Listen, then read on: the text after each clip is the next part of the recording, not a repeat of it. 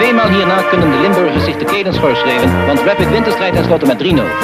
En als het eindsignaal klinkt, verdrinken alle spelers in een vloedgolf van Limburgse supporters, die in enkele seconden het hele veld overspoelt. En dit is de paas, uitvinkende paas op Jan! Ja, dat was het! 12 minuten voor rust. Roda staat op 1-0.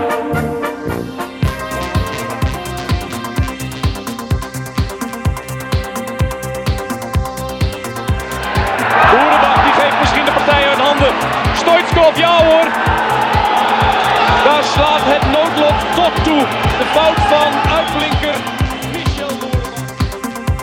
Ja, natuurlijk. Ik ga maar niet doen of Keerkruis of of Holland of wat. Eh, of Boeselender. Het is gewoon schitterend om te met Fries te winnen. Dat is gewoon jank. En Lijpers houdt zo verschrikkelijk hard uit. 1-0 staat Roda voor. Twee ploegen op gelijke hoogte na de wedstrijd van verleden week. En Flederis dus. Mark-Jan Flederis. Mark-Jan Flederis en 2-1 voor Rode JC. Daar is hij dan. En daar is Van Hiepte. En daar is de goal voor Rode JC. Daar is de goal.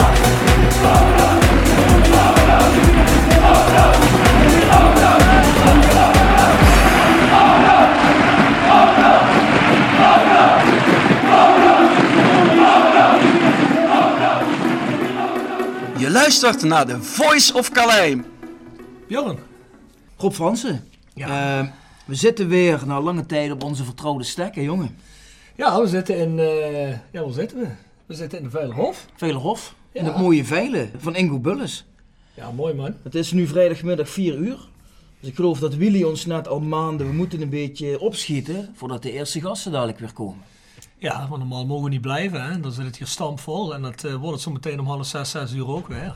Dus, eh, maar ja, dat komt wel goed. Komt wel goed. Dan worden oh, wij als- al mensen in te breken achter in de deur, zie ik. Ja, die worden al teruggeroepen. Mooi. Kijk, daar begint het al. Voel Nee, je, super, voel je toch een beetje die druk, hè? Die tijdsdruk. Hey, eh, Ron Jans is toch ontslagen, hè? Nou, volgens mij is hij zelf opgestapt, hoor. Is hij zelf opgestapt? Volgens mij heeft hij gezegd, jongens, laat maar zitten, want eh, dit gaat hem niet meer worden. Ja, ja, een beetje jammer. Maar ja, hij had, hij had beter kunnen weten. hè. Moet je eigenlijk gewoon niet doen. Hè. Maar ik heb gewoon, ik, zag gisteren, ik zag gisteren of eergisteren zag ik bij de herhaling die keek van, eh, van hoe heet het, Veronica Inside, eh zei de Snor dat hij eh, genaaid was door, door een speler. Hè. Ah, Ja, maar ik heb ook een artikel gelezen dat, volgens mij kwam dat vanuit die club zelf, de voorzitter of zoiets, die opeens riep dat in dat onderzoek waar ze mee bezig waren, dat er ook nog wel een aantal andere dingetjes werden gezegd over, door spelers over Ron Jans. Dus dat het niet de eerste keer zou zijn dat hij een blundertje op dat vlak gemaakt zou hebben. Dus misschien dat er wel iets meer speelt. Ik geloof dat Ron Jans reageerde daar weer op, dat is onzin, maar er zou misschien wel weer een andere kant aan het verhaal zitten. Mocht dat zo zijn, is hij gewoon zelf schuld. hè. Ja, je kijkt me nou indringend aan. Ja, ja, dat is Je zo. verwacht nou een uitspraak van mij, maar je vindt, je vindt dat volgens mij helemaal niet zo. Ik, nee, als, hij echt, als dat echt herhaaldelijk gebeurd is, dan is hij gewoon zelf schuld. Ja? toch? Ja, vind ik wel. Dat kun je, niet, dat kun je niet doen, hè? Jij zegt ook herhaaldelijk rare dingen op deze podcast, maar je zit Ja, er ook nog steeds. Ja, natuurlijk, ja. ja. Anders zou jij er ook niet meer zitten. Nee. Goed, nou, sponsors. Ja, we beginnen natuurlijk altijd met eh, Nextdoor Kapsalon Nagel en Beauty Salon aan de Locht 44A8 in Kerkrade. Ja, daar hebben we Jegers Advocaten. Hart voor weinig. Nootje. Zo is dat. Hotel, restaurant Vellerhof. Ja, daar zitten we nu. Je gaat daar natuurlijk weer voor een kaasplankje, toch? Ik ga voor een kastplankje, lekker man. Ah, dat is. Je bent een man van ja, eh, ik heb gewoontes. de, de vlaai heb ik al op. Kruimeltjes, hè? Ja, met pudding. En? Heerlijk. Lekker? Ja, niet zo goed als de rijstevlam, maar wel lekker. Ik ben nu een, eh een Justinianus aan het drinken. Keizerlijk bier van de Veilerhof. Dus ja, mensen, dat is een heerlijk biertje. Gert-Jan gaat er dadelijk ook in drinken, zegt hij. Ik heb alleen maar een glas water gehad nog, mannen. Dus eh, ik hoop dat er nog wat komt eh, straks dat eh, goed. Je na hebt deze een- show. Je hebt een file gestaan en alles. Ja, ja, ja, ja, Ah, ja je verdient dat wel een voor biertje, hebben. denk ik. Goed zeker. Nou, dan hebben we de herberg De Bananshoeve. Van eh, Marco van Hoogdalen. Nou goed, als het weer dadelijk weer wat beter wordt, kan die eh, ons ook weer tegemoet zien. Dat sowieso, ja ja. Of die dat leuk vinden is een tweede natuurlijk. Denk het wel. Ja? Ja, Ah, denk ik denk het wel. Ja, met Marco zat het goed aan horen, is goed. GSL Music, www.gslmusic.com voor het harde muzieksegment. Rapi Autodemontage aan de Lok 70 in Kerkrade van onze goede vriend Pascal van Pien. Goeie sloper op elk gebied. Of tenminste ex-sloper op elk gebied. Nu sloopt hij alleen nog auto's. Ja, maar als hij er een paar op heeft, dan sloopt hij wel meer, denk ik. Nee, dat is een collega van uh, Stok Grondverzet Oh. in Simpelveld. Ja? Ja, die uh, willen over de Stokkie? gaan in die uitbus. Hè? Ja. Oh, wel gezellig. dan hebben we internetgroep Limburg, iPhone Reparatie Limburg, Waterpad 7 in Beek. Voor al je webdesign. Ja, dan hebben we, zoals Rob net zei, stokgrondverzet in uh, Simpelveld. Dan Willeweber Keukens in de Boebegraaf 1 in Schinveld. Keukendesign voor elke beurs. We hebben Van Ooyen Glashandel sinds 1937 kwaliteitsglaszetten en reparatie met een dag- en nachtservice. En uh, Francesco van Ooyen, we zijn hem heel dankbaar, uh, appte deze week al. Volgend seizoen uh, sponsor ik weer het hele seizoen. Ja, nou, ja die, die wilde niet achterblijven bij Quick Consulting natuurlijk. Die wilde niet achterblijven. Nee, dat begrijp ik wel. Dat is ook een beetje de bedoeling daarvan. Nee, dat vind ik mooi.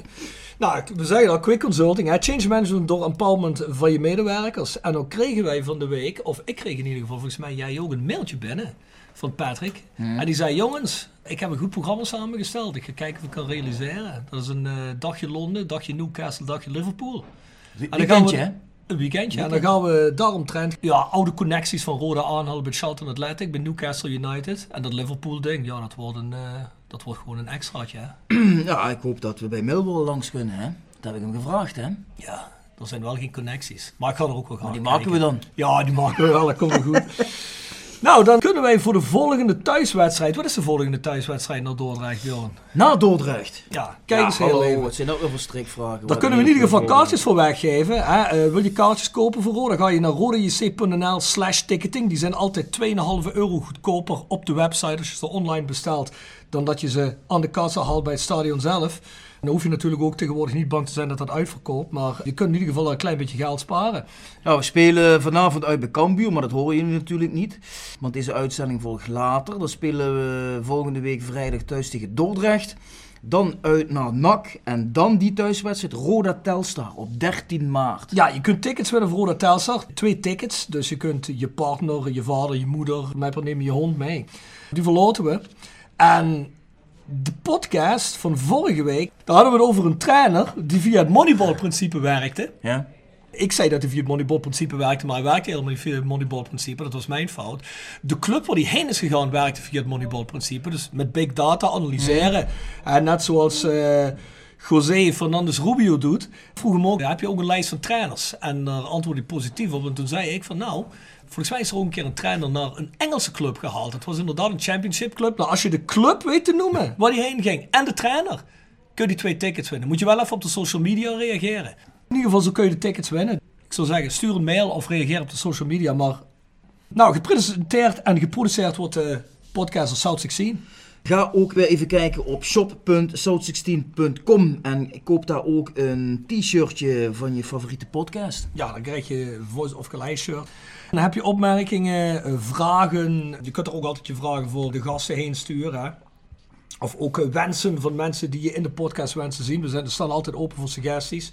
Dan kun je je mailtje sturen naar de voiceofcalais.south16.com Nou. Valt bij jullie net binnen. Normaal gesproken neem ik altijd de shirtjes mee voor de gasten, want die krijgen er eentje gratis. Alleen ja, ik kom nu rechtstreeks van het werk, dus die heb ik niet bij me. Dus uh, moeten we Geert-Jan maar eentje opsturen. Ja, dat gaat vast lukken. post. Dat lijkt Komt me geen goed. probleem. Nee, dat lijkt me geen probleem. Geen rijden, jongens. Geen flyer, geen pils. Welk maatje? Welke maat, Nou, uh, hoe schat je me in? Elletje denk ik Elletje? wel, hè? Ja, Elletje voor Geert-Jan Ik denk dat Jacobs. Geert-Jan voor uh, de, deze zomer op Ibiza dat shirtje Doe wil maar. hebben. Hè? Ja, Dus, uh, zeker weten. Nou, ik moet je heel eerlijk zeggen, Rob. Uh, normaal gesproken, als wij uh, gasten gaan uitnodigen om uh, bij ons te verschijnen, dan reageert iedereen meteen heel enthousiast en die willen meteen komen. Maar bij de gast van vandaag, heb ik weken moeten vragen, zeuren, aan moeten trekken. En nu eindelijk is het zover. Het moment is gekomen. Ik dacht, Ja. ik dacht bijna van, hij wil gewoon niet. En, na- en toen ik op het punt stond om het op te geven, is het toch gebeurd. Hoe langer je wacht, hoe leuker het wordt, eh Bjorn. Maar ik stond zelf op het punt om eh, aangifte te doen wegens stalking. Ja, ja, dat- ik kan of dat doen, of ik kan toch een keer aanschuiven. Dus ik heb besloten om Ja, het daar, laatste daar is hij goed in. Het te doen. Dat is hij goed in. Ja, ja, ja, ja. ja, dat hoor ik van meerdere gasten. Ik denk dat je weinig zaken verliest als advocaat. Of, Nee, dat eh, Er zijn ook meerdere vrouwen die dat wel eens beweerd hebben. ja, is dat zo? Hij weet, Gooi het hij eruit. weet precies hoe hij tussen de wettelijke regels door kan stalken. Dat weet hij precies. Ik weet nog hoe ik er net mee wegkom. Ja. Goed maar zo. goed, we hebben geluk. Geert-Jan Jacobs is gekomen. Ja. De Roda-watcher van eh Voetbal International. Ja. Ja, hoe word je Roda Watcher bij, eh bij Voetbal? International? in Limburg geboren worden. Dat is al een, uh, een pre. Zo is het bij mij ook een beetje gegaan. Ik werk sinds 16 jaar bij Voetbal International. En ik kom uit Limburg, Noord-Limburg uh, ben ik geboren. Horst. Horst. Horst. Horst. Horst aan de Maas inmiddels. En, uh, Heideroosjes. Ja, we komen er ook vandaan, onder andere. Zeker, jou wel bekend. Um, en uh, omdat ik in Limburg geboren ben, was al snel de vraag vanuit uh, de snor, zoals je hem net noemde, om uh, Roda voor mijn rekening te nemen. Omdat ik dan toch uit, voor, vanuit Westers oogpunt kwam ik uit de buurt van Kerkrade. Het was anderhalf uur rijden nog voordat die A73 was doorgetrokken, maar dat is allemaal niet zo'n boodschap aan. Ze dachten dat Roda voor mij om de hoek was. En, ja. Johan Derksen vroeg dat. De, ja, ja, precies. Het begon met Johan Derksen. En dat is nu 16 jaar geleden en nog steeds volg ik Roda niet meer zo intensief als dat het in het begin wel eens is geweest. Toen hadden we nog een wat grotere redactie. En konden we allemaal ook uh, die clubs allemaal op de voet volgen. Nu is het toch, met een kleinere groep mensen doen we meer. Dus Roda, dat is toch vaak uh, een beetje improviseren. Maar ik volg er altijd op de voet, nog veel contacten. En uh, ja, zoals vroeger was het vaak dat ik dan een hele week ook alle trainingen kon bezoeken. En echt er meer kon zijn dan, dan nu. Maar dat niet meer, maar nog altijd Roda zit in mijn pakket. En de rest van de Limburgse clubs ook. Dus ik hoef me niet te vervelen. NEC ook toch? Uh, ja, op dit moment niet, maar ook zo'n club die ik wel nog altijd uh, in de gaten hou. Waar ik nog regelmatig wel langs ga voor een, uh, voor een verhaal of een wedstrijd meepakken. En hoe kom je nog even een stapje terug? Hoe kom je in eerste instantie bij de VI terecht? Nou, ik vertelde tegen, tegen Rob dat ik hiervoor een tijd bij Oor heb gewerkt, muziekblad. Daar ging het toen wat slechter financieel. En naast muziek was voetbal altijd mijn grote passie. Dus toen heb ik op, de, op goed geluk een brief gestuurd naar Gouda, waar de redactie van Voetbal International toen nog zat. En Johan kende Oor, dus dat uh, schiet meteen wel een, uh, een band. Dat vond hij kwaliteitsmuziekblad waarschijnlijk? Nou, de, ja, hij las het wel. Hij brandde mijn bandjes die ik goed vond allemaal af. Vond hij allemaal abracadabra muziek. Uh, maar toch, het feit dat ik iets met muziek had, was volgens mij wel een soort van... ja, ja het, het, het, werkte niet in mijn nadeel, laat ik het zo zeggen. Dus toen op de redactie begonnen en al gauw verslaggever geworden. En dat ben ik nog steeds. Want Johan zit toch heel erg in de blues, geloof ik? Ja, hè? klopt. Blues, Americana beetje singer-songwriters, uh, muziek uh, van uh, voor de oorlog, zeg maar. nou, ieder zijn ding. En, ja. Was dat een beetje goede baas, of niet? ja, ik vond hem een geweldige baas. Ja? Ja, iedereen dacht altijd dat hij heel erg bepaalde wat wij moesten schrijven en zich overal mee bemoeide. Dat was totaal niet. Als je eenmaal zijn vertrouwen gewonnen had en je was een paar keer door hem afgeblaft. Ja. Als je, je was getest door hem, zeg maar, en je had dat doorstaan, dan kon je geen betere baas wensen. Hij gaf, gaf je gewoon het vertrouwen om te doen wat je wat je kunt ervan van hij dacht dat je het kon. En uh, ja, ik heb daar eigenlijk alleen maar goede herinneringen aan. Nogmaals, wel met de aantekening dat ik ook uh, een paar keer wel flink ben afgefakkeld. Onder andere toen ik net nadat ik daar begonnen was, mijn auto op zijn parkeerplek parkeerde. ik wist niet dat hij een eigen parkeerplek had. Nou, daar ben ik die, die dag wel achter gekomen. Dus uh, die tirade die galmt me af en toe na in mijn, uh, in mijn gedachten. Maar uh, nee, verder niks dan positiefs over, over Johan. Dus feitelijk volg jij voor de VI Rode al 16 jaar? Ehm, wel met onderbrekingen. Af en toe wel, dan was ik te druk met andere dingen. Dan werd er even een andere collega op Roda gezet. ik zat net te denken, vandaag natuurlijk Cambuur Roda. De vorige Cambuur Roda, of de meest legendarische Cambuur Roda. Toen was net een fase dat ik Roda niet op de voet volgde. Er zat een andere collega van ons bij die wedstrijd. Maar met onderbrekingen, 16 jaar ja, volgen van het rijlen en zeilen van, uh, van jullie clubje. Nee, was dat al een beetje tegen wil en dank? Of had je, omdat je voetbal geïnteresseerd was, je komt daar uit de buurt, was je VVV-fan? Uh, we hadden een club waar ik vroeger vaak naartoe ging. Ja, ja, ja. Wel, ja, een club waar ik, waar ik uh, sympathie voor had. PSV ook. Dat was bij ons ook redelijk uh, dicht in de buurt, dus daar kwam ik vaak. maar ook Roda. Ja, dat zullen misschien, het zal niet in de vragen denk terugkomen, dat ik een een warm hart voor Roda heb. Maar dat heb ik vroeger wel altijd gehad in de jaren negentig. Uh, daarom heb ik al die podcasts voor jullie met die spelers van toen ook met plezier beluisterd. Met Manuel Sjen Hansen, Ger Zende, Van der Leur, noem maar op, van mm. Hoogdalem. Dat was een team waar ik ook echt van kon genieten. Het was voor mij te ver weg om daar echt in mijn eentje naartoe te gaan of met vrienden. We gingen dan inderdaad sneller naar de Koel naar Kaalheide. Maar ik ja. heb uh, wel altijd, ook als Limburger, uh, genoten van het, van het goede Roda. En ik heb nog altijd de hoop dat dat weer een keer zal terugkomen. Nou, met jou velen. Ja, Kijk dat is wel goed dat hij dat Nou, wat zieltjes gewonnen al hopelijk. eh, en niks van, of, niks van eh? gelogen. Nou ja, ik heb me voorgenomen alleen maar eerlijk antwoord te geven. kijk. Ja. Hey, ehm, Geert-Jan, nu eh kregen Nou. we Rollings. Nou, Die ken je kijk, volgens ja, mij wel, Ja, van het platform. Ja, Een ja. platform. Waarom altijd die zure Wat stukken? zeg je? Waarom altijd die zure stukken? Of, eh, of niet? Oh, nee, ik zou even denken, want Bart heeft recent het platform verlaten. Hmm. Maar dat terzijde. Bart zegt, Geert-Jan, hè, want je zegt net zelf, ik volg Rode op de voet. Hoeveel tijd ben je nou concreet aan Roda kwijt? En op de voet volgen betekent dat ook dat je continu bij de club rondloopt? Nee, nee, dat zeg ik dus net al. Dat is niet meer. eh, dat zou ik wel willen, maar dat lukt gewoon niet meer. Ik heb een soort van, eh moet ik zeggen, vliegende kiephol bij, bij VI. Ik maak veel eh, reportages, ook de laatste tijd veel in het buitenland gezeten. Dus dat lukt me praktisch gewoon niet meer. Ehm, dus ja, hoeveel tijd ik aan Roda kwijt ben, ligt een beetje aan, aan de actualiteit, hè, wat er bij de club aan de, aan, aan de hand is. Ja, ik ben er wel dagelijks mee bezig. Dagelijks wel contact met mensen in en om Rode JC. Dus het is wel nog steeds iets waar, waar ik veel eh, mee bezig ben. Maar ja, dat is niet, niet te zeggen van hoeveel, hoeveel uur. De ene week is het, is het twee uur, de andere week is het, eh, als ik echt een, een, een groot verhaal maak, is het wel, wat zullen we zeggen, 20 tot 30 uur. Ja, dat is, moeilijk in uren uit te drukken. Maar eh, ja, dagelijks ben ik met, met Roda bezig. Dat, maar, maar niet meer dus inderdaad dat ik elke dag eh, op de club eh, rondloop. Nou, het laatste jaar is er natuurlijk veel gebeurd bij Ja. Is het dan zo dat de productie gezegd, pas op Geertjan, eh, we hebben VVV en Fortuna spelen in de Eredivisie. Ja. Concentreer je daar een beetje meer op, want mensen interesseert Eredivisie gewoon een beetje meer. Wat, Mhm. ik, wat ik ook wel kan begrijpen voor de niet-fan, voor de objectieve toeschouwer. Maar heb je nou eigenlijk dit laatste jaar toch nog meer over Roda Nou, geschreven? Wat ja. ik bedoel, er was natuurlijk wel veel meer aan de hand dan bij de Eredivisie. Ja, nee, is zeker waar. Als je dat inderdaad eh, gaat, gaat, gaat meten hoeveel pagina's ik aan Rode heb gewijd aan, aan bijvoorbeeld Fortuna, dan is het veel meer aan Rode JC. Maar ze weten ook op de redactie wel van als er bij Rode iets speelt, hoef ik niet per se meer daar elke dag te zijn om toch Ja. met de contracten eh, een verhaal te kunnen maken. En af en toe is ook zo dat ik dan in het buitenland zit en dan ter plaatse nog eh, moet proberen om een verhaal Rode JC in elkaar te zetten. Maar dat lukt, dat lukt ook wel. Als je lang bij zo'n club rondloopt, dan heb je ook wel de contacten om dat op die manier te kunnen, te kunnen doen. Ehm, ja, en ik zou liever zelf ook vaker, nog vaker bij Rode JC zijn. Maar goed, dat is eh, helaas eh, vandaag de dag eh, niet helemaal mogelijk. Met een klein groepje mensen moeten we inderdaad die site en het blad en alle andere platformen die we er tegenwoordig bij hebben allemaal vullen. Maar op mijn manier probeer ik het te doen. En ja, volgens mij lukt het altijd nog wel eh nabehoren. Want Bart zegt ook, het lijkt er een beetje op dat de VI binnen Roda een beetje dezelfde bronnen telkens opvoert. Misschien wel wat mensen die vroeger bij Roda hebben gezeten en inmiddels niet meer en daar wel- wellicht wat gepikeerd over zijn, waardoor er altijd dezelfde negatieve tendens aangekoppeld is. Hoe denk je daarover? Want je kunt natuurlijk geen bronnen gaan noemen. Nee, nee, nee. Nou ja, goed, als Bart Bronnen heeft voor mij die mij een heel rooskleurig verhaal over Rode JC kunnen laten schrijven, dan zou ik dat heel graag van hem vernemen. Dan zou ik daar zeker ook eh, contact mee opnemen. Maar goed, dat, dat is natuurlijk wel het verhaal wat je vaak hoort, is altijd negatief. Maar ja, het is ook gewoon negatief geweest de afgelopen jaren. Er is ontzettend veel misgegaan bij die club.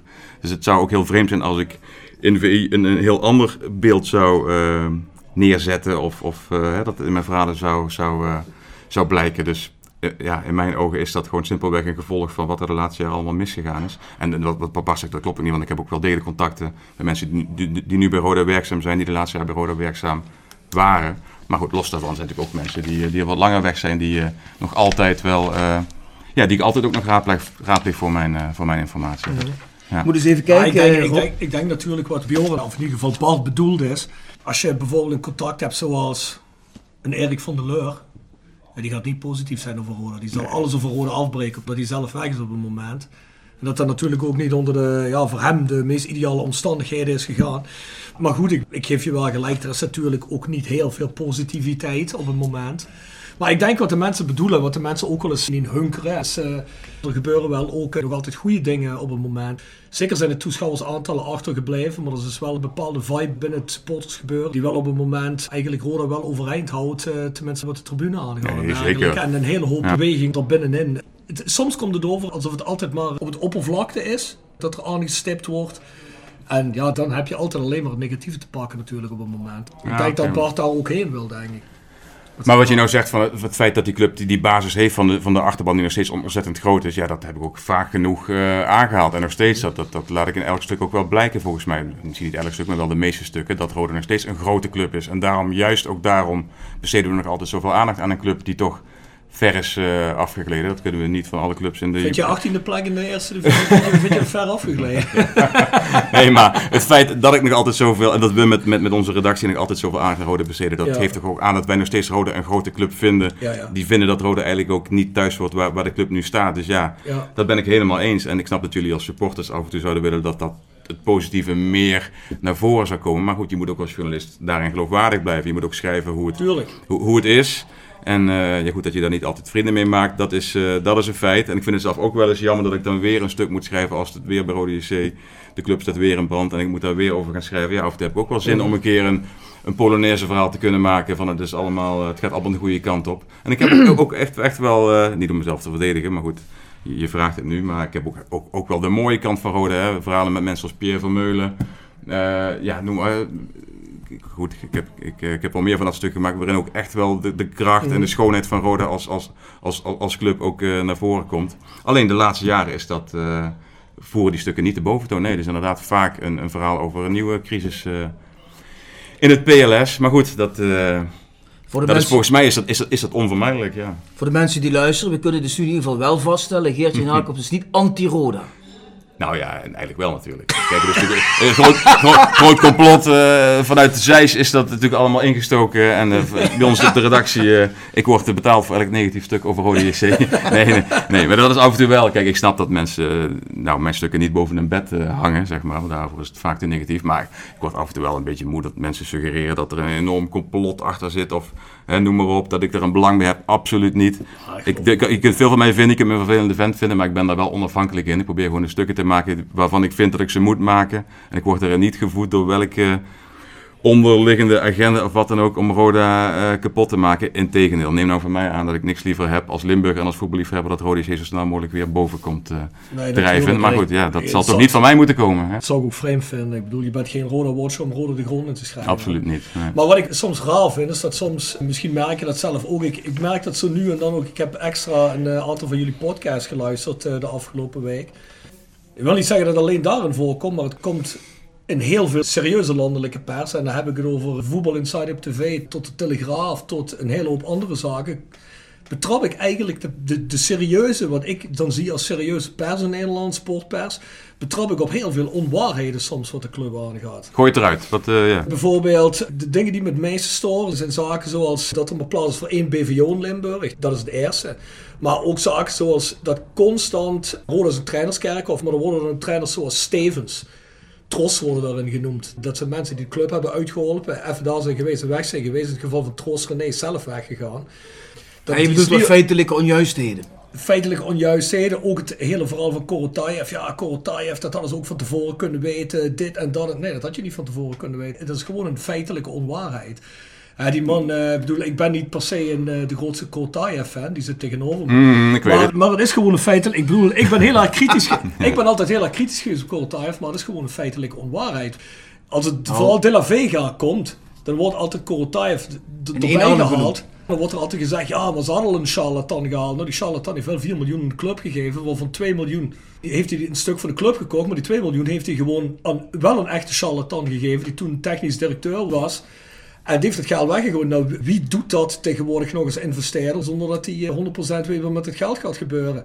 Waarop en, je het niet ontkennen dat dat allemaal heel haastig is gebeurd. Hè? Ook het, ook het binnen, binnenhalen van Korotay heeft daar niet een heel goed boekenonderzoek naar gedaan of naar zijn achtergrond als nee, zakenman. Maar wat hij bedoelt te zeggen is waarschijnlijk dat de meeste investeerders, daar gaat een heel lang traject door vooraf en die willen allerlei... Je hebt heel veel mensen die het beloven, gouden bergen en er mm. komt niks. En Korotay heeft eigenlijk nog geen letter op papier die zegt, hier jongens, heb je al 2 miljoen, gaan godsnaam spelers halen. Ja, mm. dat is op zich best wel bijzonder. Ja, ja, ja. En daardoor is die man ook wel lult en een hoop ijs. Nee, hij geeft meteen. Ja. maar ik vind het dan wel weer altijd, heb ik altijd een heel raar verhaal gevonden. Dat die man zat al drie maanden in de gevangenis in Dubai. En bij Rode wist niemand daarvan. Ja. Hè, Cola die vertelde ons in die tijd, ja we hebben goed contact met uh, Alexei en het komt allemaal goed. En uh, hij zal binnenkort wel weer een keer naar het stadion komen. Kijk, ook daardoor heeft dat verhaal natuurlijk een heel vreemde lading gekregen. Dat, dat, hij, dat hij niet meteen dat heeft gemeld aan de club waar hij dan blijkbaar nee, een enorme affectie voor had dat, dat hij vast zat. Kijk, zei de advocaten zeiden natuurlijk tegen hem, en daar ging hij ook vanuit, ja, van je kunt ieder moment vrijkomen. Toen dacht hij van ja, als ik nu tegen iedereen ga zeggen dat ik vast zit, is het natuurlijk niet gunstig voor mijn zaak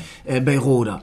Dus ja, dat snap ik wel. Ik vind het ook een ander verhaal dan met Garcia de la Vega. Dat is natuurlijk, dat is natuurlijk een... Uh, een, van die feitelijke onjuistheden, ja. nee, dat is niet over had, nee. je, je, leest nu nog vaker in sommige stukken over Roda van Korotayev, de investeerder die vastzit. Alsof die nu nog steeds in de mm. gevangenis zit. Snap je? Dat zijn dan wel van die kleine puntjes die gewoon feitelijk niet mm. kloppen. Kijk, en mijn vraag daarin is gewoon, het gaat niet alleen over jou en VI, maar hoe kijk je er nou eigenlijk tegenaan? Ik bedoel, vind je dat niet storend?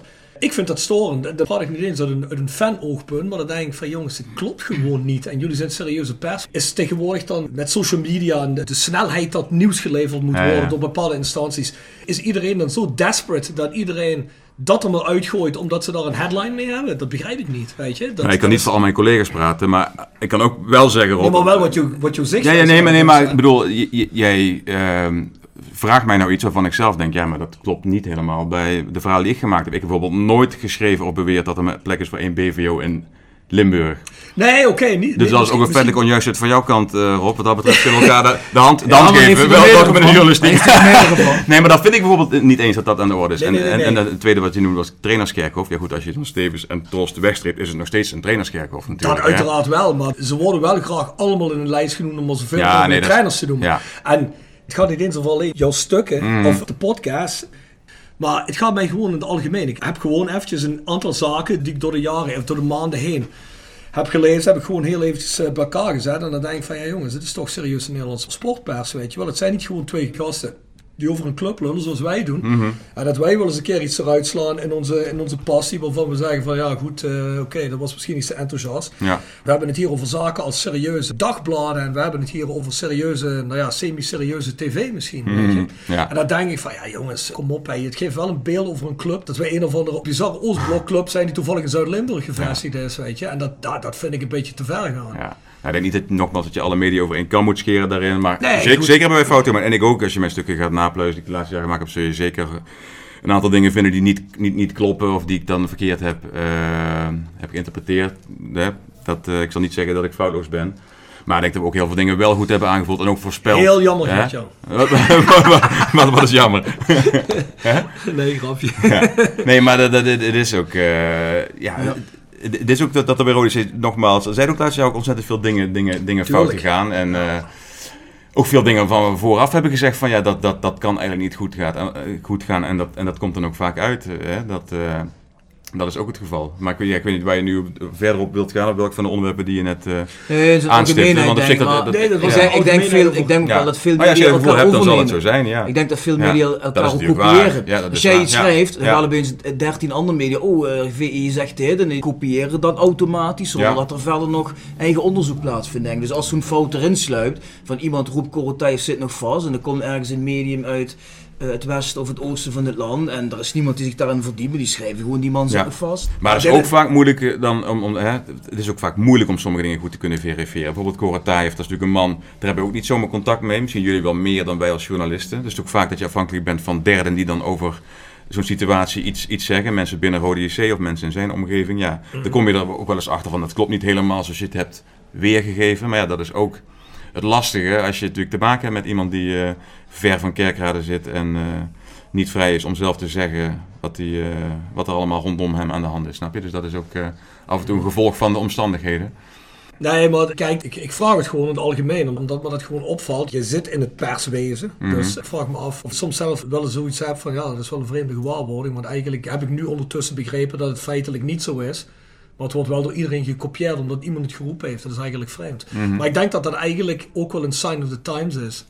Want ik denk dat voor Twitter, voor Instagram, voor Facebook, dat dat waarschijnlijk niet zo snel overgenomen zou worden. Nee, een jaar is of zeker 15 waar. geleden Ja. werd Ja. toch denk ik iets meer gekeken naar Ja. wel- welke bron is dit, wat is dat. Nu is het denk ik, als het getwitterd wordt Ja. door een grotere nieuwsoutlet, dan denkt de andere nieuwsoutlet, shit, we hebben Ja. het niet. Dat ik laten we maar kopiëren. En, ik denk dat nu ook de druk veel hoger is om snel met iets te komen. Dat Ja. doen ze allemaal heel snel vluchten. Dus je moet denken van, Nee, oh is jee, ik hoor nu Ja. iets, ik wil de Ja. primeur hebben. Dus Ja. oh, snel eruit knallen. En misschien Ja. heb je het maar 70% geverifieerd. Ja, Ja. Donald Trump vindt het fantastisch. Zo werd hij Ja, die, die, die heeft er geen probleem En daar wordt net had het over Ron Jans, maar goed, hij is ontslagen als voetbaltrainer omdat hij er een paar woorden verkeerd heeft gezegd. Maar de president van, van, van het land daar, die mag elke dag eh, Ja. talloze leugens verspreiden en allerlei bevolkingsgroepen tegen zich in het harnas jagen. Dus, ja, eh, tuurlijk. Wat denk je dat de president van FC Cincinnati hem wel mag ontslaan, of niet? de Trump, bedoel je? Ja, ik vraag, ik vraag me af. het zou wel mooi zijn. Ja. maar- Ja. Hey, Nee, maar je hebt helemaal gelijk dat het, is allemaal, natuurlijk- het gaat tegenwoordig allemaal sneller. En we hebben ook met onze website, je probeert ook snel op het nieuws te zitten. En af en toe inderdaad, Tuurlijk. ik probeer me er zelf af en toe wel, of af en toe, ja, altijd wel voort- voortdurend van te... eh, Te overtuigen te over- nee, niet overtuigen. maar gewoon, eh, dat het klopt. nee, ja, dat ik daar zorgvuldig mee ben. Dat ik niet alles Ja. blind overneem wat ik hoor. Alleen Ja. ja. inderdaad, af en toe word je toch door de... door de druk die er tegenwoordig op zit, word je toch gedwongen om snel een, een, een, eh, een, een stuk te schrijven of een, of een mening te verkondigen. En dan moet je er achteraf wel eens op terugkomen van ja, dat heb ik toch iets te snel. eh, Wat, wat moet je hebben? Eén bron of twee bronnen? Of- Nee, één bron is geen bron, is een regel in de journalistiek. Dus je moet vaak meerdere bronnen hebben. Alleen, eh, ik ben aan het zoeken naar een concreet voorbeeld. Ja, of- over Garcia de la Vega, daar heb ik van in het begin ook, ook ben ik afgegaan op mensen die enthousiast over hem waren. Dus Wij waren in het begin ook enthousiast. Ja, nou precies, dat is dan ook lastig. Hè? Ja. Achteraf Ja. denk ik ook van ja, potverdomme had ik maar meteen ook degene Ja. die mij zeiden dat het een charlatan was. Want die waren echt al, in, al vrij snel. Ja, dat klopt. Kijk, Da- Rob daar heb ik eigenlijk te lang mee gewacht om daar negatief over te schrijven. Die heb ik nog lang het vertrouwen gegeven in mijn stukken. Ja. Rob heeft twee weken rondgelopen met een sombrero op zijn kop. Ja, Ja, ja, ja, ja, ja. was die. Het was niet eens carnaval. wel? Ja, ja, twee weken bril gekomen. Ik heb alleen maar tacos gegeten. Ja, Tacos. Ja, ja, ja, Hoe heet die biertjes? Die flesjes? Eh, Corona's. Corona's. Liep je ja. ook de hele tijd mee rond. Een beladen term tegenwoordig, hè. Ja. Ja, maar, dat is ja. ook, dat, maar dat is ook moeilijk, moeilijk als journalist als je dan eh, met zo'n man te maken krijgt. En het is ja, lastig om... En NRC heeft dat heel goed gedaan. Die hebben daar echt eh, tijd voor vrijgemaakt en zijn er echt diep in Daar was ik ook van onder de indruk. Ja, is het, hartstikke knap. Want die, want die hebben er eigenlijk voor gezorgd dat Ja. de boel opgeblazen werd. Ja. Anders had hij er misschien nu nog gezeten. Klopt, ja. Dus eh, nogmaals, ere weer toekomt. Hebben ze uitstekend gedaan en daarmee ook eh, de boel eh, kunnen versnellen. Ja. Die verhalen begonnen wel door eh, te, te, te druppelen vanuit de club. Alleen zij hebben er echt een tijd voor vrijgemaakt en dat heel goed kunnen blootleggen. Dus nou Daar ja, moet je ook prima. budget Ja. voor hebben. Moet je budget voor hebben, moet je tijd voor hebben. En dat is af en toe lastig in de journalistiek vandaag de dag. Dat gaat schijnbaar goed met de NLC dan. Nou ja, ze hebben in ieder geval daar nog altijd budget voor. En, gelukkig, ja. Ja, nee, maar heb je dan ook wel eens zoiets dat je iets moet posten en dat dat onder druk is van de redactie? En dat de redactie zegt, Nee. nou kom op Gert-Jan. Nooit. eh, nee? Nee, nee, nee, nee, nee, nooit. Wat ik zeg, daar ben ik onafhankelijk in. Ik zal niet iets schrijven als ik zelf niet vind dat ik het moet doen. Alleen daarvan zeg ik zelf achteraf eens, ja, ik had er beter toch nog iets eh, langer mee kunnen wachten. Bijvoorbeeld dan eh, zo'n Garcia de la Vega. Ik denk, ja, had ik toch maar die eerste stukken. Ja, hè, ik heb hem toen zelf geïnterviewd. Toen was hij net eh, een maand binnen. Er waren toen een aantal journalisten uitgenodigd om hem eh, te, te spreken. En ik had er toen ook wel mijn bedenkingen bij, want hij kwam toen al heel nerveus over. Hij wilde eigenlijk helemaal niet... eh, de pers te woord staan, vond ik al opvallend. Hè, dat hij dat eigenlijk als nieuwe beoogde eigenaar, dat, dat, dat hij daar zo huiverig voor was. Ik heb het toen ook wel laten blijken in mijn stuk dat hij die reserves had. Alleen daarna heb ik hem toch wel de ruimte gegeven om zijn, om zijn verhaal te doen. Kijk, dat is achteraf denk ik van ja, ik heb hem daarin ook, eh, ook, ook dat podium geboden. Hè. Dan denk ik Ja, van, ha- had ik het allemaal geweten, dan had ik het niet gedaan. Maar ja goed, dat is denk ik ook ah, dat, dat, onvermijdelijk in het Nee, werk. dat Dat, je af en toe eh, daarin de mist in gaat of Maar door voortschrijdend inzicht een andere eh, kijk op hebt. Ja. is wel verpand dat iedereen nu zegt, nou dat doen jullie trouwens ook in die podcast voor Roda. Ze zeggen van ja, iedereen had dat toch van tevoren moeten zien. Roda had gewoon even moeten googlen, dan had je het al geweten. Mhm. Dat hebben wij ook achteraf Mhm. op een gegeven moment gezegd. Dat zeg jij nou ook, maar we zijn er allemaal in getrapt. Maar het is in eerste instantie dat de verantwoordelijkheid van een club natuurlijk. Dat is ook vaak met Tuurlijk. spelers. Van dat zeggen, ja, noem dan een betere linksback. Nee, dat is de taak van een technisch directeur of van een trainer om dat te doen. Ik ben niet om, om, om, om een eigenaar eh, bij Rode eh, hè, binnen te halen of om een speler te contracteren. Ik ben er wel voor om dat als, als het achter de rug is, om dan te gaan checken van is het eh, een een goede die ze hebben, hebben gehaald. Ja, ja. Maar in eerste instantie is dat natuurlijk wel de verantwoordelijkheid van de mensen bij de club. Die hadden hun huiswerk, vind ik nog steeds, veel beter moeten doen.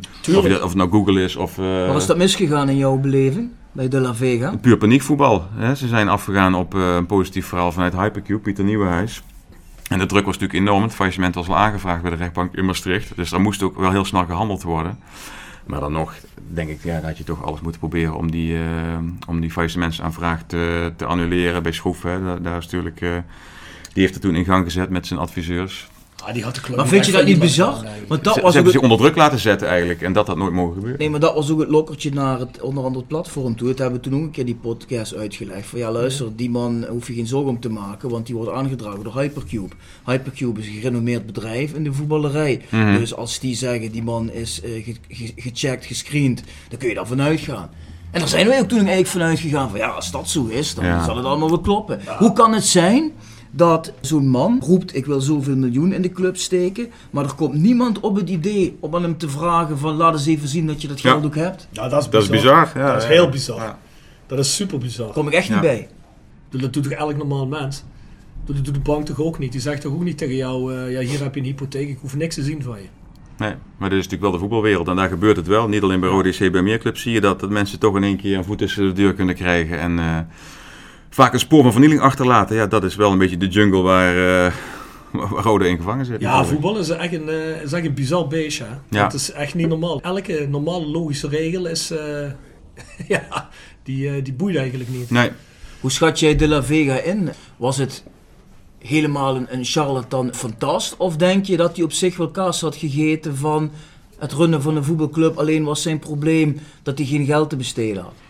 Ik heb hem niet kunnen betrappen op het hebben van heel veel uh, verstand van zaken eigenlijk. Uh, nee, ja, dat is... Uh, of het nou echt een... een een in en in slecht mens is, dat vraag ik me ook af. Ik denk dat hij toch zelf wel het idee heeft gehad van ik, ik kan iets. Hè. Ik heb, ik heb feeling voor, voor voetbal en voor zaken doen. En ik, ik, ik kan bij die club kan ik iets, iets, iets, iets teweeg brengen. Het is gewoon een, een bluffertje, zo zie ik het. Gewoon een bluffertje en die heeft alle ruimte gekregen om, om zijn gang te gaan. En dat vind ik bij ODC wel echt heel kwalijk gezegd. Dat hij dus ook meteen de trainer mocht aanstellen. Ja, dat, is He, dat, dat, is toch, dat, dat, hij dus in Spanje met Jean-Paul Jean Jong een gesprek had, terwijl er nog een technisch directeur was, Han van Veldhoven, die al 100 jaar in het voetbal rondloopt. Die werd gewoon meteen koud gesteld. En iedereen uh, zei van, nou meneer De La Vega, ga maar uh, je gang en stel een selectie samen en haal een trainer. Denk, dat vind ik, dat heb ik toen ook wel meteen geschreven. Ja, dat, dat, is, dat is zo, zo, zo vreemd. Hè? Dat, uh, dat, dat een passant meteen ja. dat soort beslissingen mag nemen. Ja, het blijkt dus als jij gewoon een beetje zelfvertrouwen hebt en je kunt bluffen. Mm -hmm. Frits Schroef, die had al zoveel zaken meegemaakt. Die dacht van als er nou iemand komt, dan is het goed. Dat hadden ook Geert-Jan of Bjorn kunnen zijn. Of ik die er binnen waren gelopen met een... Uh... Achteraf gezien wel, ja. nee, want dat is zo. Want ja. ik bedoel, je hoeft maar op de een of andere manier een goed verhaal te hebben. Niemand checkt je. Nou goed, en dan komt die man uit exotische regionen en kan een heel verhaal meenemen van ja, ik ben spelersmakelaar geweest, weet ik veel. Maar het is gewoon bizar dat die man dat heeft klaargespeeld. Ja. Dus het enige waar ik respect voor heb, dat hij zich zo naar binnen heeft kunnen bluffen. Die, dan moet je het eerst maar eens klaarspelen. Op 3 juli werd die man gepresenteerd, er waren alle sponsoren uitgenodigd, ik was er ook bij. En uh, toen kwam zelfs nog iemand van de Mexicaanse ambassade uh, ik vertellen het, ja. Ja. wat uh, hij voor gerespecteerd zakenman in Mexico was. Dus die sponsoren zaten rijden dik zo. Oh, mooi, geweldig. Burgemeester van Kerkrade kwam een speech houden. Ja, toen dacht je van, dit zit uh, snor. Ja, dit is legitiem. Ja. Ja, ja. ja, tuurlijk. Ja, maar ja, dat is het ook. Als zoveel mensen ook, en dan haal je net ook goed aan, uh, het verhaal Peter Nieuwenhuis. Want die heeft zich ook eventjes lekker van alles ontrokken, van alle verantwoordelijkheid later. Uh, die heeft wel gezegd, ja jongens, het is ook mijn schuld. Ik ga jullie ook helpen weer uit de stront te trekken. En Ja. dit probleem is maar Peter Nieuwenhuis is... eh, Nou, hij heeft wel geholpen om van hem af te komen. Daar heeft hij nog Ja, wel, van hem eh, af te komen, ja. Dat is het minste wat hij had kunnen doen, maar even wel aangedragen als zijnde legitiem. En Ja. ik denk ook, want we kunnen wel zeggen, ja, Kamp Schroef had hem even kunnen googelen, dat klopt wel, maar er zit ook iets in wat Bjorn zegt. Als iemand met een gerenommeerd bedrijf zoals Hypercube, dat zijn toch mensen die bij veel eredivisieclubs Ja. en ook de KNVB zelf, heel veel, ja, hoe moet ik het zeggen, een gerespecteerd bedrijf is, wat een gerespecteerd aanzien. adviesbureau. Ja, ook in andere landen mogen ze meedenken over competitiemodellen en Precies. eh, Europese eh, instanties. Dus ik, ik Ja. ging daar ook op af. Dat was ook voor mij de- een belangrijke bron in die, in die beginperiode. Ik denk, ja, als Pieter Nieuwhuis zegt, met al zijn eh, kennis van zaken en ook economisch verstand, dat dit een betrouwbare man is. Maar achteraf zegt hij daar ook van, ja, ik ben ook op mijn gevoel afgegaan. Wat natuurlijk voor een econoom eh, Nee, uiterst eh, dubieus is. Maar goed, eh, ja, ik ben er ook in meegegaan. Nee, maar maar met dit da- kant, daarvoor, ja. daarvoor ben ik nooit op het idee gekomen om tegen een Pieter of een Hessel te zeggen: hey, ja, hebben jullie ge- gekeken naar zijn bankrekening? Omdat hun dat zo stellig zeiden, ja. Ja. dan, dan, dan ga je ervan uit, die heeft dat geld. Ja, ik Ja. moet wel heel eerlijk zeggen, kijk, als Peter Nieuwenhuis met een gerenommeerd bedrijf met zo'n naam komt en zegt, oké jongens, dit is oké, hè, dit, dit zit goed. Dan denk je, oké, dit zit goed, Ja, ja. oké, dat hè, dan, hè. Maar van de andere kant, het blijven jouw centen. Dan heb ik het over Kamp Schroeven, het blijven jouw centen. Je moet toch gaan kijken, kijk Bjorn, als jij komt, ik vertrouw jou wel. Hè. Ja. Als jij komt en zegt, nou, ik weet 100% zeker, dit is een maat van mij, koop die auto van hem, 100% zeker, geen probleem. Dan ga ik toch zelf nog eens een keer informeren. Want als ik er 10.000 piek voor moet neerleggen, dat zijn wel 10.000 piek. Dus ik heb zoiets van. De eindschuld blijft altijd bij Kamp Schroef liggen. Dat is gewoon zoals het is. Maar de rol die een paar andere mensen erin gespeeld hebben met die man te valideren is, is bizar. Helemaal eens. Voor mij was het kantelpunt was die eh, bizarre arbitragezaak rondom Erik van der Leur. Toen dacht ik echt, ja, wat is dit voor een... Voor een eh, Ben je daar geweest? voor een voor, ja, daar was ik bij. Ja. Er wa- er waren maar twee journalisten bij. Dat was Jimmy van der Limburger en ik. Onbegrijpelijk dat er eigenlijk niet meer pers op afkwam. Want dat was echt een happening. Dat, dat heb ik eh, zelden, zelden meegemaakt. Dat was Wij kennen een het kolderieke zaak. van, van Ja. Erik. Dus. Ja, oké. Heeft Jimmy daar niet over verteld toen hij eh, bij jullie zat? mij Misschien niet, volgens mij Nou, We goed. zijn volgens mij niet dieper binnen gegaan. Erik heeft Nee. er wel eh, vrij uitgebreid over verteld dat De La Vega daar inderdaad als een Malone een beetje... Als een Malo met een, heel vreemde... Ja, het was, de hele setting was bizar, met een heel vreemde tolk. eh, en- maar, maar, maar wat ik vooral die avond... avond hij, had een heel slecht, slecht, slecht, slecht verhaal, eh, De La Vega, en met hem Rode JC. Want hij was, die avond was hij Rode JC. Eh, De clubadvocaten stond hem bij. Hij sprak namens Roda en daar zat Erik van der Leur. Wat je ook van hem vindt verder wel een man met een grote staat van dienst. En eh, Tuurlijk. loopt al ook al... eh, wat is het? Een jaar of dertig rond Ja. bij, bij die club. En, Ja. en, en die zat daar in het, in, het, in het beklaagde bankje tegenover een man die een paar maanden eerder daar nooit van Rode had gehoord. En toen dacht ik ook bij mezelf, van, ja, dit, dit, dit klopt gewoon niet. Dit kan niet en het mag je als club nooit laten gebeuren dat, eh, dat, eh, dat een man eh, ja, in één keer neerdaalt bij je club en, en, en, te- en tegen zo iemand zo'n zo'n arbitragezaak mag Nee. aanspannen en, en de deur uit gaat proberen te werken. Maar dat gebeurde wel. En daarna is het ook allemaal natuurlijk snel En het, en, bergafwaarts gegaan met en hem. het meest gekke was, en daar heeft eigenlijk nooit iemand iets over gezegd of geschreven, maar dat De La Vega bijvoorbeeld een Van der Leur gaat ontslaan, terwijl hij A, geen directeur was, hij was B, geen Hij was niks. eigenaar. Hij was helemaal niks. Nou, hij dat was, heb ik dus wel hij was, geschreven. hij- Ja, ja, of heb je zeker. dat wel? Ja, hij ja, was ja. een beoogd, ei- Feitelijk onjuist, beoogd eigenaar, Ja. maar eigenlijk helemaal geen formele status. Dus je kunt je Ja. afvragen of hij überhaupt wel in staat was Ja. om zo'n beslissing juridisch te nemen. Ja, maar dan kun je ook zien hoe klaar en hoe gefrustreerd Kamp Schroef was met Roda. Want die hebben zich gewoon helemaal ontrokken, want die hadden daar gewoon moeten zitten. Als jij beoogd directeur bent. Nee, maar ja, Frits was op dat moment blij dat hij er vanaf was. Nee, dat, maar dat bedoel ik. Hè, dat zit dan wel heel diep dat je denkt van in, god, in godsnaam, ik ben er vanaf nu. Die dag van, Maar je mag, eh, maar, je het doen maar. maar dan mag je toch niet van je verantwoordelijkheid onttrekken. Jij bent nog altijd eigenaar op dat moment. Jij, jij moet zorgen of een representant van jou moet daar zitten. En als jij denkt dat iemand die twee weken geleden bij jou is binnengelopen de representant dan is, dan ben je toch wel erg goed gelovig. Dat, Het- dat het- vind ik het grote probleem. Het had nooit zover moet, moet, moeten komen natuurlijk, dat voorop. Ze hadden het altijd achter de schermen moeten proberen te regelen. Als Van Leur echt zo'n lastige klant was in de organisatie, hadden ze dat gewoon op een normale manier moeten oplossen, zoals het bij andere bedrijven ook gebeurt. Het is volledig geëscaleerd en Ja. eh, ook dat was weer natuurlijk een, eh, een deukje in het imago van, eh, van Roda. Ja, dat geeft wel aan hoe stuurloos je als schip bent natuurlijk. Ja. Dat zoiets kan gebeuren. Maar dat is wat Bjorn de vorige podcast ook zegt. Het is bizar dat bij Roda gewoon... Het is, het, is, het is meer regel dan uitzondering dat gewoon als er iets gebeurt qua dat soort zaken, dat het meteen op straat ligt ook. hè. Het, ligt, het staat meteen in de pers. Het is, Nou ja, in dit geval was het logisch, want het was gewoon een open, op- openbare re- rechtszaak, was het arbitragezaak. Dus het was logisch dat dit eh, allemaal naar buiten kwam. Maar zover had het natuurlijk nooit mogen komen. Maar alles eromheen ook. En, Ja. en alles wat er nog mee te maken heeft. Er zal ooit wel een boekje over opengaan over hoe extreem het allemaal is geweest. En hoe het allemaal eh, daadwerkelijk de volgende stijl heeft gezeten. Ik begrijp wel, het is menselijk van een Frits Schroef. Het is niet gezond. Het was klaar met de club. Het is een mega grote druk. Ik begrijp het allemaal wel. Maar je kunt dat dan niet aan de eerste de beste weg doen. Hè? Nee, 100 procent. Ja.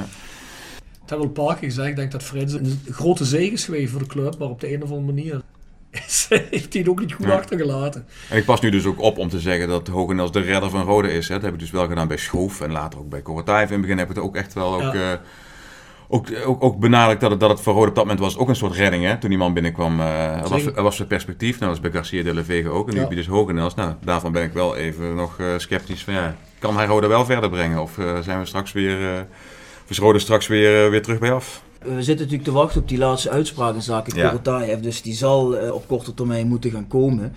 Hoe denk jij over Korotayev?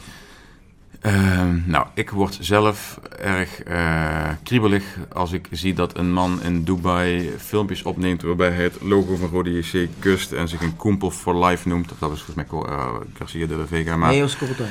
da, da, da, ja, Allebei. ik vind dat moeilijk om dan in het enthousiasme van jullie mee te gaan van, eh, dat, het, dat het echt gemeende, oprechte clubliefde is. hè? Daar heb ik mijn bedenkingen bij. Waarom? Om, daar geloof ik gewoon niet in. Dit- Ik- dit- ik- dit- ik- dit is dat- bij ons stokpaard. Ja, ja nee, ik weet het. Ik heb die podcast vaker geluisterd. Daar heb ik wel eens over gehad. eh. Ik, ik, ik- twijfel er geen seconde aan dat dat Wat is zijn motief? is. Wat is zijn motief? Hij kan alle clubs van de wereld kiezen om supporter van te worden. En hij wordt in één keer eh, verblind door Ja, nee, maar voor goed, Rode maar- JC. nee, maar Op goed, basis maar- van wat? Nou ja, goed, kijk, ik ben diehard supporter van ijshockeyclub New York Islanders in New York. Omdat ik een keer op in New York op vakantie was, liep ik langs het stadion en ik vond die kleuren oranje-wit heel mooi. En toen dacht ik van, nou, ik ga die club volgen. En na een paar maanden was ik gewoon supporter en lees ik alles ervan. Dus waarom zou die man niet kunnen gedacht hebben van hij wordt via Stijn Jans op Rode geattendeerd. Hij komt kijken, hij vindt het stadion vet en de supporters omarmen hem. En ja, hij krijgt daar dan een beetje een, een, een warm gevoel bij die club en denkt ja, dan wil ik die club hebben. Ja, nou ja, misschien eh, ben toch? ik dan daarin te cynisch. eh. Nee, maar als jij in, in de buurt van, eh, van het stadion wordt geboren, dan snap ik nog dat je daar, dat je daar sympathie voor hebt. Maar als jij inderdaad in, in, in Dubai zit en je komt uit Rusland, Zwitserland, noem maar op, dan denk ik ja. Ik zie die connectie niet zo. En ik vind het ook eh, het feit dat Ja, hij maar- dat, meteen dat geld eh, gaf aan Tom Kane om er maar wat mee te doen. En hij haalde Anelke binnen in een volstrekt onduidelijke rol. Waarvan iedereen bij Rode zei van wat, wat eh, leuk dat Anelke bij Rode JC werkt. Maar wat doet hij hier? Weet je, we zien hem hier met een laptop, zien we hem in een skybox zitten. En hij komt af en toe naar een jeugdtraining kijken. Maar daarvan hadden mensen ook al snel zoiets van ja, wat, wat is de toegevoegde waarde? Dus vooralsnog heb ik nog van Korotijf, buiten het feit dat hij inderdaad wel meteen geld in de club heeft willen steken. Nou, dat spreekt voor hem, 100%. Maar ik zie er niet echt in. Ik Denk van, ja, Maar- wat, hoe- wat is nou zijn, zijn, zijn, zijn grote plan met Rode JC geweest? eh, geweest? Champions League in vijf jaar, hè? Nee. Ja, nou, dat heeft hij ook nooit zo, zo zelf. Dat is ook een beetje onder druk van de pers. nee, hij zat er ook ongemakkelijk bij. En, en, Maar eh, ik vraag me dan ja. wel af. Ik denk dat dat eerder bedoeld was om een lokker gesprek te maken. Een beetje, eh, dat, Ja, ja, ja, die uitspraak die was niet bedoeld Die serieus jonge gast die wil ook even iets zeggen Nee, maar stel je voor, hij zou niet oprecht zijn. Waarom volgt hij Rode dan nu nog steeds? Waarom onderhoudt hij nu nog steeds contact? Dan geeft hij aan, zodra ik kan komen, wil ik nog steeds iets voor Rode betekenen. Want als je al die ellende wat hij heeft meegemaakt, hebt meegemaakt, je bent toch niet oprecht. Had je nu al lang gezegd, ik heb wel andere dingen aan mijn kop dan dat voetbalclubje in Kerkrade. Nou ja, de voetballerij is natuurlijk ook een wereld die eh, de ijdelheid van mensen kan eh, aanwakkeren. Hè. Het is natuurlijk ook leuk om geaffecteerd te worden met het voetbal en door supporters geadoreerd te worden. Hij is toch een held voor veel mensen, onder andere voor jou, eh Bjorn. En ja, goed, het- misschien, misschien zal ooit blijken dat hij wel degelijk Roda verder kan brengen. Maar vooralsnog ben ik daar sceptisch over, al was het maar door alle juridische haken en ogen die nog aan zijn verhaal hangen. Dat kan ik volgen, dat Ja. vind ik ook een terecht Ja toch? Alleen, alleen, ik, op dit moment is het moeilijk om te zeggen van ja, dit is de man die Roda verder. Nee, eerst Nee, zien, eerst zien dan geloven. Dat ben is, dat is mijn. Maar ik twijfel niet aan eh, zijn oprechtheid dat hij eh, gevoel heeft voor de club Roda.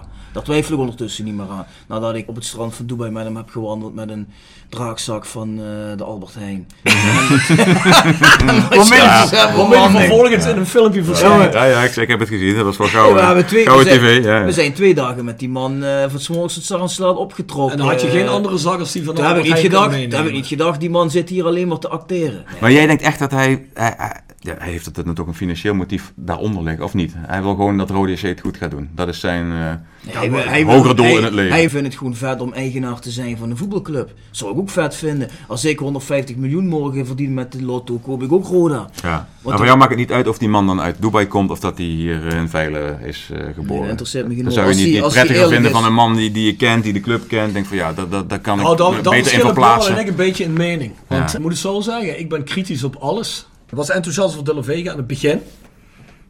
omdat het, omdat, nee, maar Wie omdat niet, het, wie niet. Omdat het in het begin, nee, maar Van omdat het, Leur niet, dat is de enige die meteen... eh, precies, omdat het in het begin zag het even goed uit. En dan heb ik Ja. nadruk op even.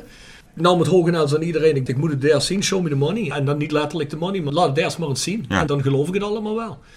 We hebben veel gasten gehad die de Messias hebben uitgehangen bij Rode de laatste jaren. We hebben een Tom Kane gehad die het allemaal wel even ging regelen, sportief gezien. En et cetera, et cetera.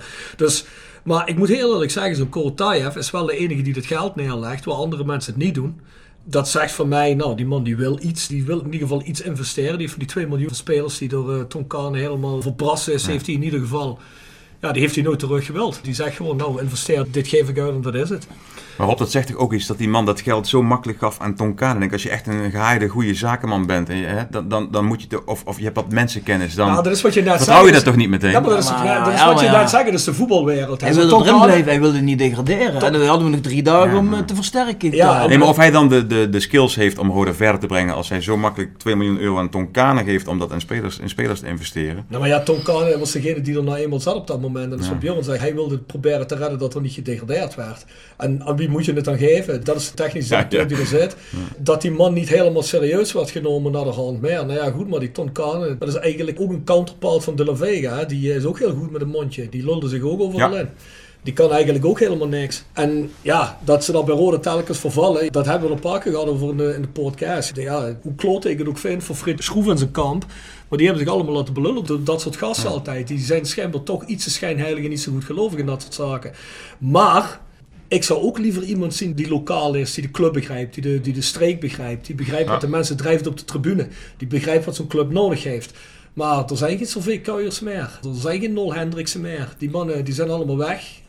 Dit is ook een Dus, moderne eh, voetbal Ja, natuurlijk, waar dit een uitwas van zou is. ook geen Ja. eh, miljoenen investeren in die club. Dat was ook Nee, een dat, dat, dat zijn wel mensen die wisten wel de club op de een of andere manier te sturen in zo'n richting dat niet in zo'n situatie zit zoals nu. Maar het zijn ook de mensen die wilden fuseren, maar daar was je toch ook geen voorstander van. Nee, dat klopt wel, dat klopt wel. Dat is trouwens ook iets. Was het omdat het zo slecht ging Roda dat gefuseerd moest worden? Hè? Dat hebben jullie trouwens ook van in die podcast. Die mensen die wilden gewoon fuseren. Niet jullie. Ja, Noem nou, nee, ik ben aan het denken, maar dat... In die eh, podcast. Ik, ik heb die dat nooit... eh, Nee, dat, dat was gewoon omdat Nol Hendricks en Sylvie Kuijer inderdaad zeiden van nou, eh, laten we er één grote club van maken. Laten we een grote doorstoot maken naar de echte subtop in Nederland. Nou. Hè, het ging niet zo heel erg slecht met Roda op dat moment. Ik zal het nog wat verder gaan. Ik denk dat die mannen, door toen eh, daarvoor te kiezen, hebben ze Fortuna Sittard in leven gehouden. Want als het niet was gebeurd, had de KNVB de stekker uit Fortuna Sittard getrokken. Dus eigenlijk heeft Roda Fortuna in leven gehouden. Wat vind je daarvan? Ja, ik vind dat ze daar ontzettend wel een beetje dankbaar voor mogen zijn. Ja, vind ik ja, ook ja. altijd zo negatief over ons. Wat blijven die bloemetjes? Trouwens, luisteren jullie wel eens naar de voetbalpodcast van Limburg of niet? Ik heb hem wel eens gehoord, ja, ja, ja. Eh, hoe heet de Fortuna Watcher? Tim nog iets? Tim Tim. Geurt, Tim Geurt, ja, ja. die jongen, die, die slaat me er een praat uit wat op Roda af. Ik ben bijna al van vraag of hij ook Fortuna-fan is. Nee, nee, ik kom bij mij uit de buurt vandaan oorspronkelijk. Eh, Tim is, eh, is een goede kerel. Ik weet niet wat, wat Ja? hij heeft, mis, heeft miszegd. Nou, eh, het ging laatst over eh, Alfons Groenendijk naar Roda. En daar doe het niet, want dit en dat bij Roda is altijd iets aan de hand. Dat was satire, geloof ik. Nee, nee, nee, nee, nee, ik, nee, ik, heb, ik heb een stuk wel gehoord. Nee, dat was, was meer geen een satire, grappig bedoelde boodschap. eh, Nee, het was geen in het satire. kader van het trainerskerk of Rode JC. In, in het begin ja, maar naar de hand ging het erover. Constant faillissement aanvragen, dit, zus, zo. En er werden een aantal zaken bij zelfs Jimmy Leenders zei, ho, ho, ho, dat klopt niet. En dat is ook alweer zo'n voorbeeld te denken van, je kunt wel wat roepen. Maar je moet als support ook een beetje een dikke huid hebben, vind ik. Je moet niet oh, elk, elk citaatje van een journalist Ik of een Fortuna Watcher. Nee, maar dat, dat vind ik echt, hè. Van, je moet ook denken, kom op, accepteren, accepteer dat het met Roda Nou, slecht dat- gaat. En dat dat er weet- mensen zijn die vinden dat het, dat het, dat het slecht gaat, dat die er wat over roepen. nee, nee, nee, nee. Of- of- luister, luister. Dat het slecht gaat is een feit. 18 in de eerste divisie. eh, financieel eh, staan we. Nou, we staan er nu beter voor als een jaar geleden. Maar ja, 18 in de eerste divisie. Absoluut. Super ultimate dieptepunt. Precies, daar, daar mag je kritisch over Dan zijn. mag je kritisch Maar- over zijn, maar je moet geen onwaarheden vertellen. Nee, maar hij, maar- hij, nee, maar mag, hij, mag, hij mag roepen, Groenendijk blijft weg. Hij mag het toch vinden? Nee, nee, nee, daar hij ging het helemaal mening niet om. heeft. Het ging er helemaal niet om. In de slipstream ervan begint hij voorbeelden te noemen waarom die niet moet komen. Dan begint hij voorbeelden te noemen. Ik kan ze even niet aanhalen. Maar er zaten een aantal punten tussen waarvan zelfs Jimmy Leenders zei van ho, ho, ho. Nu moet je heel even rustig aan doen, want het klopt gewoon niet. Weet je, en dan denk ik bij mezelf. Ja, Tim, vriend. Ehm begrijp dat je Fortuna Watcher bent en dat dat allemaal niet goed ligt met tussenzitter de kerkraad. Ik weet niet of je erdoor geïnfecteerd bent, maar... Maar waarom, Nee, maar moet die man denk, eh, vinden dat ja. eh, Groenendijk niet naar Rode moet komen? Laat Groenendijk dat lekker zelf bepalen. Nee, maar dat is toch een podcast? Dat, misschien- hij dat is natuurlijk wel eh, journalistiek zijn. Het is, ook een podcast. Wij zeggen ook niet zomaar iets. Alles wat we hier zeggen is onderbouwd. Nee, maar hij mag dat rustig vinden moeten zeggen dat de bedoeling was. Hij mag eh. dat rustig vinden van mij, maar ik kan ook zeggen van eh, ik wil Geert-Jan Jacobs in de podcast hebben, omdat hij en dan iets verzinnen wat niet klopt. Nou, dan zegt Geert-Jan Jacobs ook op een gegeven moment van... dat recht heb je toch? Jo, ja. ja. Ja, maar ja, dat is niet goed. Dat Ik heb hier in ieder geval genoteerd Tim Geuls op de zwarte lijst. Hey. Dus eh, Tim, ik heb je proberen te verdedigen, jong. Eh, Tim nog Limburgs onder lijst. elkaar, ja. Dus eh, daar hoort u nog wel wat van. Oké. Wat hadden we nog, die fusie? Heb je wel eens contact met de jongens van Jimmy Leenders? Ja, ja, zeker, zeker, zeker. Ja, ja, ja. Jimmy, eh, die, eh, ja, daar heb ik ook contact mee, maar die loopt niet zo heel lang bij Rode JC nog. Hè. Vroeger was het Nee. Robieg eh, en Rob Spoor hebben we gehad. Dus nee, we zien elkaar eh, af en toe, af en toe contact met elkaar. Met de ene collega heb je wat eh Dat is Louis tegenwoordig, echt... MVV-watcher. MVV tegenwoordig weer regelmatig. Maar ik eh, vind wel dat ja. hij eh, voor MVV-watcher toch wel een goede objectieve mening heeft. Kijk eens. Nou, toch nog een positief eh, woord over een Ja, journalist zeker, vandaag. eh, zeker. hartstikke goed. Namens mijn beroepsgroep... eh, Nee, maar Jimmy hadden we een eh, heel populaire podcast mee. Die werd heel veel geluisterd. Ja. Dus ik denk dat, maar ik denk dat mensen toch wel geïnteresseerd zijn hoe het journaal voor mening heeft. Dus, eh, Tuurlijk. Ik denk dat Geert-Jan ook goed geluisterd gaat worden. ja? Dan eh, knallen we er De meteen even een stelling in. Rob. Een stelling die we ook aan Jimmy Leners hebben voorgelegd, waar we van Geert-Jan een eerlijk antwoord willen. Maar Geert-Jan moet zich wel realiseren dat een aantal mannen van de harde kern op de parkeerplaats staan. dus eh, dan geven wij dadelijk een sms of die goed geantwoord heeft of niet. De stelling is Geert-Jan, Rode JC is en blijft de grootste club van Limburg. Wat er weer een begin. Ehm, in welk opzicht groot? Alles. In alles. ehm, nou, is wel. Of dat ook zo blijft, dat, dat, eh, dat kan ik moeilijk voorspellen. Het ligt ook aan hoe het vanaf nu eh, verder gaat. Qua ehm, impact, eh, grootte van de achterban. Historie is Rode nog steeds de, grote, de, grootste en dat zal ook niet zo heel snel veranderen. Maar het is natuurlijk wel zaak dat er heel snel fatsoenlijk beleid wordt gemaakt en dat, dat de toekomst is gewaarborgd. Dus daar, daar is de- het antwoord ook wel. eh, Ik keur het antwoord goed, Rob. Oh, Jij ook? Daar neem maar genoegen mee. Ja? Ja, kom, kom ik je goed ik weg? kom ja? er genoegen mee. Ik hoorde wel in diezelfde podcast wel, sorry dat ik er wel op terugkom, want er zijn een paar collega's van eh Geert-Jan bij de VI realiseerden zich niet eens dat Roda 7 of 8 staat op de eeuwige Eredivisie-ranglijst. Die begonnen de podcast met, ja, eh, ik zie zelfs dat Roda, en dan denk ik bij mezelf, ja jongens, jullie zitten toch in het Nederlandse voetbal. Was, was dat een podcast van ons? Ik zit me net af te vragen, welke podcast is dat jullie. geweest? Ja, ja, ja, ja, eh, ja, ja, ja, ja, dat is een podcast Ik van kan me jullie. dat niet zo herinneren, luister hem eens terug. Ja? Ja, Oké. ja, ja, ja. Ja, ik heb er eh, kritisch in geluisterd, want ik denk, ja, die Geert-Jan die komt, dan moet ik toch eens even gaan luisteren.